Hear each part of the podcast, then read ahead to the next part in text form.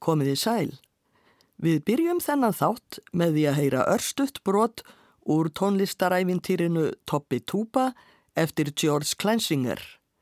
Guðrún Þótt Steffensen segir söguna og Symfoníu hljómsveit Íslands leikur. Það er von á nýjum frægum hljómsveitarstjóra og Toppi Tuba og hinn hljóðfærin í hljómsveitinni eru eftirvæntingar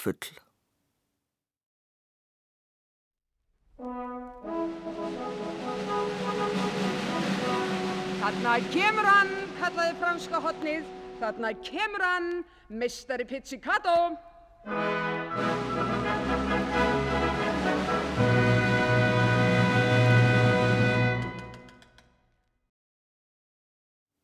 Meistari Pizzicato.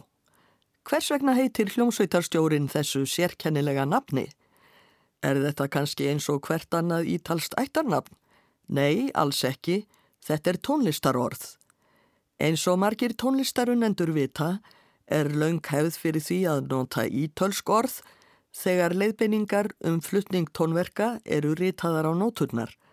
Þannig þýðir allegro, hratt, adagio, hægt, crescendo þýðir að það eigi að leika sterkar og svo framvegis. Og hvað þýðir þá pizzicato? Það þýðir að plokka eigi strengina á strengjahljóðferðum í stað þess að strjúka þá með boga. Þegar strengir eru plokkaðir með fingrum, heyrist snögt og létt hljóð og tónin verður ekki jafn hljómmikill og þegar strókið er með boganum. Þetta gefur tónlistinni sérstakann blæ. Í ævintýrinu um Toppa Túpu er pizzicato aðeins notað sem sniðugt nafn á hljómsittarstjóranum en ekki í tónlistinni sjálfri. En hér í þættinum verða nú leikinn nokkur pizzicato tónverk frá ýmsum tímum. Skildu ekki sumir hlustendur kannast við þetta verk hér?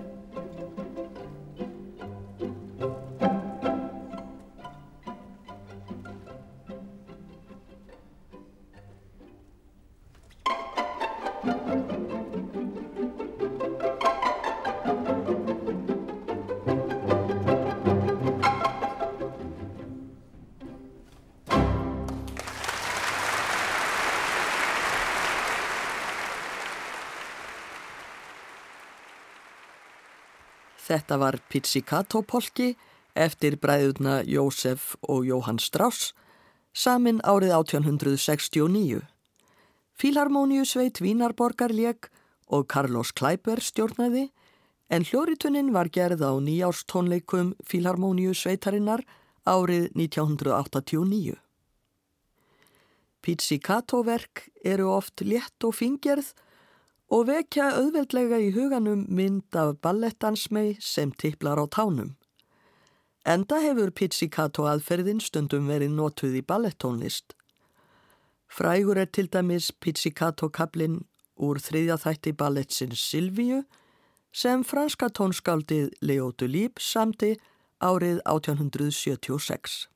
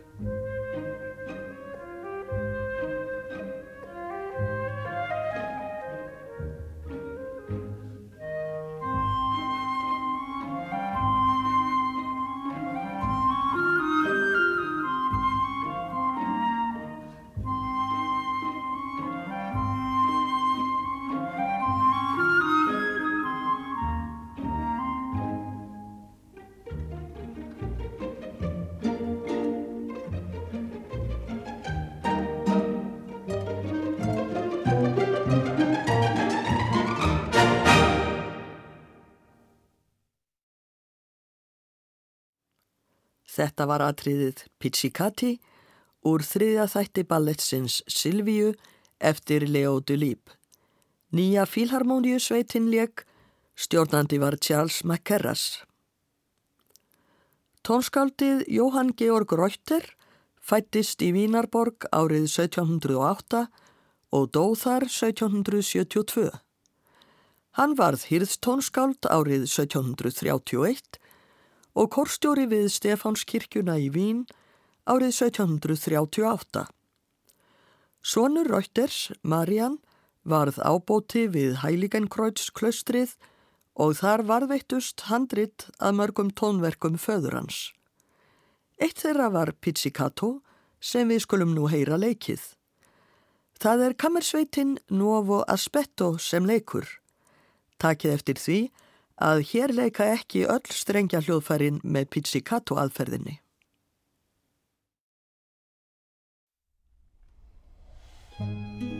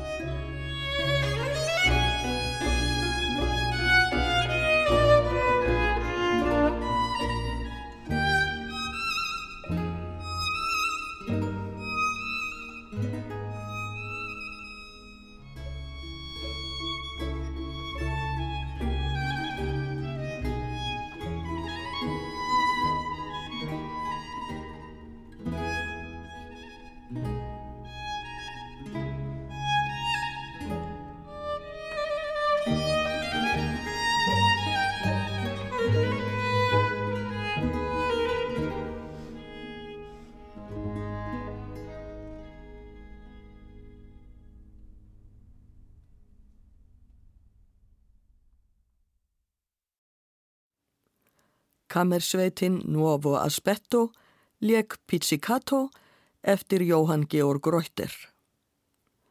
Tónskál 20. aldar hafa mörg spreitt sig á Pizzicato aðferðinni. Það gerði til dæmis breska tónskáldið Benjamin Britten og við hlýðum nú á tvo Pizzicato kabla úr tónverkum eftir hann en þeir eru samtir með 30 ára millibili. Fyrst kemur gladlegur Pizzicato þáttur úr einföldu symfoníunni, Simple Symphony, sem Britten samt í tvítugur að aldri á árunum 1933 til 34. Í þetta verk notaði hann stef sem hann hafði samið á barsaldri. Pizzicato-kablin er annar þáttur verksins og hefur yfirskriftina Playful Pizzicato, leikandi Pizzicato. Þar á eftir kemur kabli úr Cello-svítu nr. 1 sem Britten samti árið 1964. Þetta er fymtikabli svítunar og heitir Serenata Allegretto Pizzicato.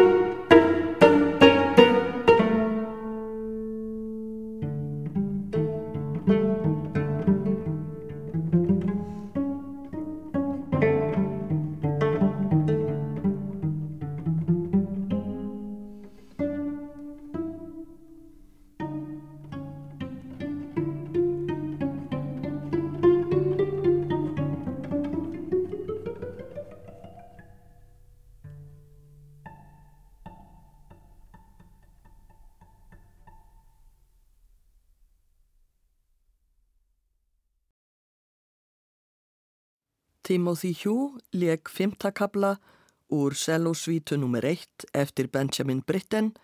Kablin hefur yfirskriftina Serenata Allegretto Pizzicato. Þar á undan lekuð Þránteims einleikararnir, Trondheims og lístinni, annan kabla Playful Pizzicato úr öðru verki eftir Britten, Simple Symphony, stjórnandi var Öyvind Gimse. Á árunum 1718 til 1720 samdi Antonio Vivaldi ástíðirnar, fjóra fylgukonserta sem hver á að lýsa einhverji af ástíðunum fjórum. Hann notar pizzicato í miðkabla vetrarins. Í ljóði sem Vivaldi let fylgja konsertunum stendur að þessi kabli eigi að lýsa friðsælum dögum við arineldin meðan regnið streymir útifyrir. Og með pizzicato aðferðinni hljóma tónatnir í bakgrunninum eins og regndrópar sem falla á gluggarúðu. Á eftir miðkabla vetrarins heyrum við annað tónverk þar sem við valdi notar pizzicato. Það er Arjan, Akin Felice Sempre og ég er alltaf vansæll úr kantötunni Cesate og Mai Cesate. Fjárhyrðir harmar kaldlindi stúlkunar Dorillu sem hann elskar svo heitt. Vivaldi blandar hér saman pizzicato og boganótum á sérstæðan hátt. Hugsanlegt er að pizzicato tónarnir eigi hér að tákna tárin sem hrinja af augum hjalsveinsins.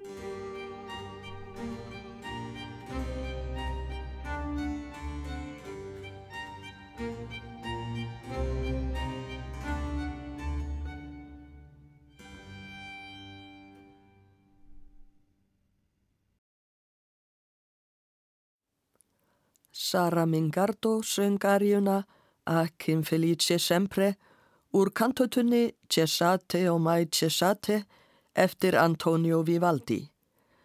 Hljómsveitin Concerto Italiano leik, stjórnandi var Rinaldo Alessandrini. Þar á undan leik Anne-Sophie Mutter á fyrlu með þránteims einleikurunum með kabla konsertsins opus 9 nr. 4, vetrarkonsertsins úr árstíðunum eftir Vivaldi. Ungverska tónskaldið Bela Bartók notaði sérstaka tækni við pizzicato í verkum sínum, svo talaður um Bartók pizzicato. Þá er strengurinn plokkaður hratt og snöglega svo að hann slæst í gripbrettið og hljóðið verður svo lítið harkalegt. Við heyrum nú tvær tónsmíðar þar sem Bartók notar pizzicato. Fyrst kemur fjórði þáttur, Allegretto pizzicato, úr strengjakvartett nr. 4 í Sétur sem Bartók samdi 1928. Þá kemur örstuttur þáttur, Pizzicato nr. 43, úr 44 dúóum fyrir tvær fiðlur sem Bartók samdi 1931.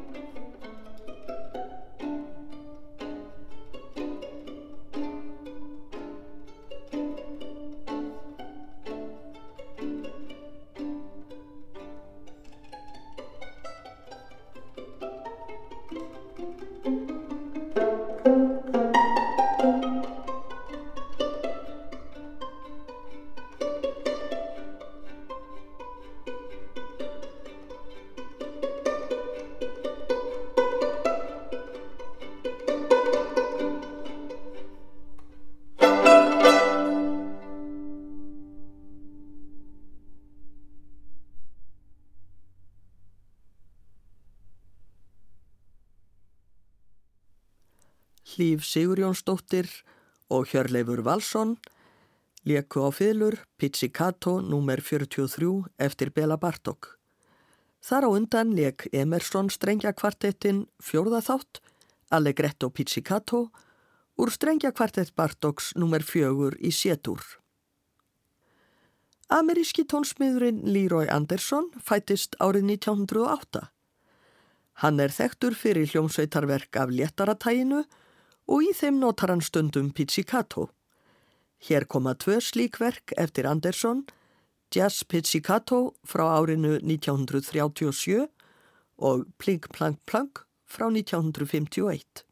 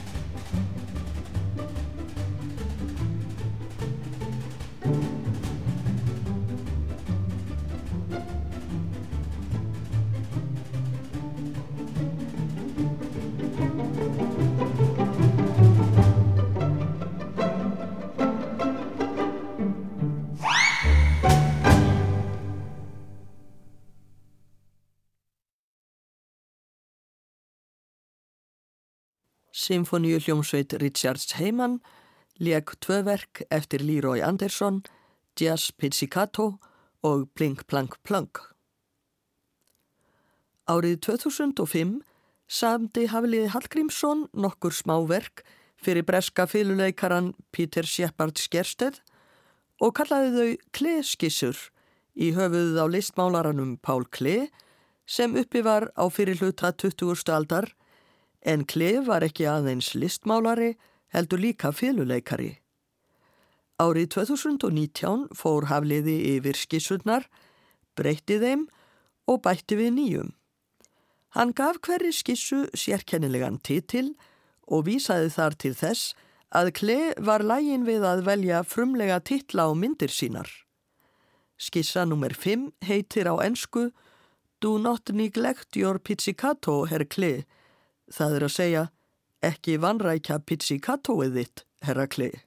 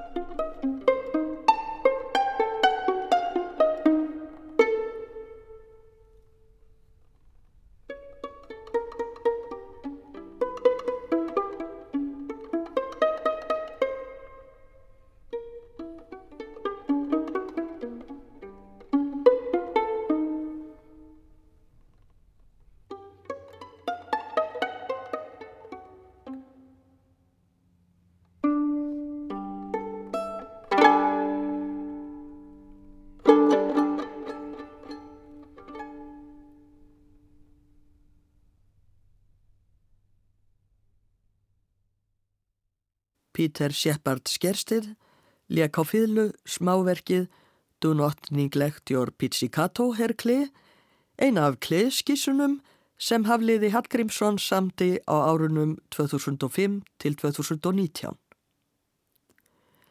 Síðasta verkið hér í þessum þætti verður sungið, Pizzicati, eftir búlgarska 20. aldar tónsmiðin Alexander Tanev.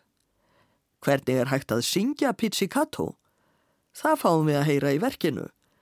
Barnakór búlgarska ríkisútvarsins syngur Pizzicati eftir Alexander Tanev, kórstjóri er Hristo Nedjalkov. Ég þakka hlustendum samfildina, verði sæl.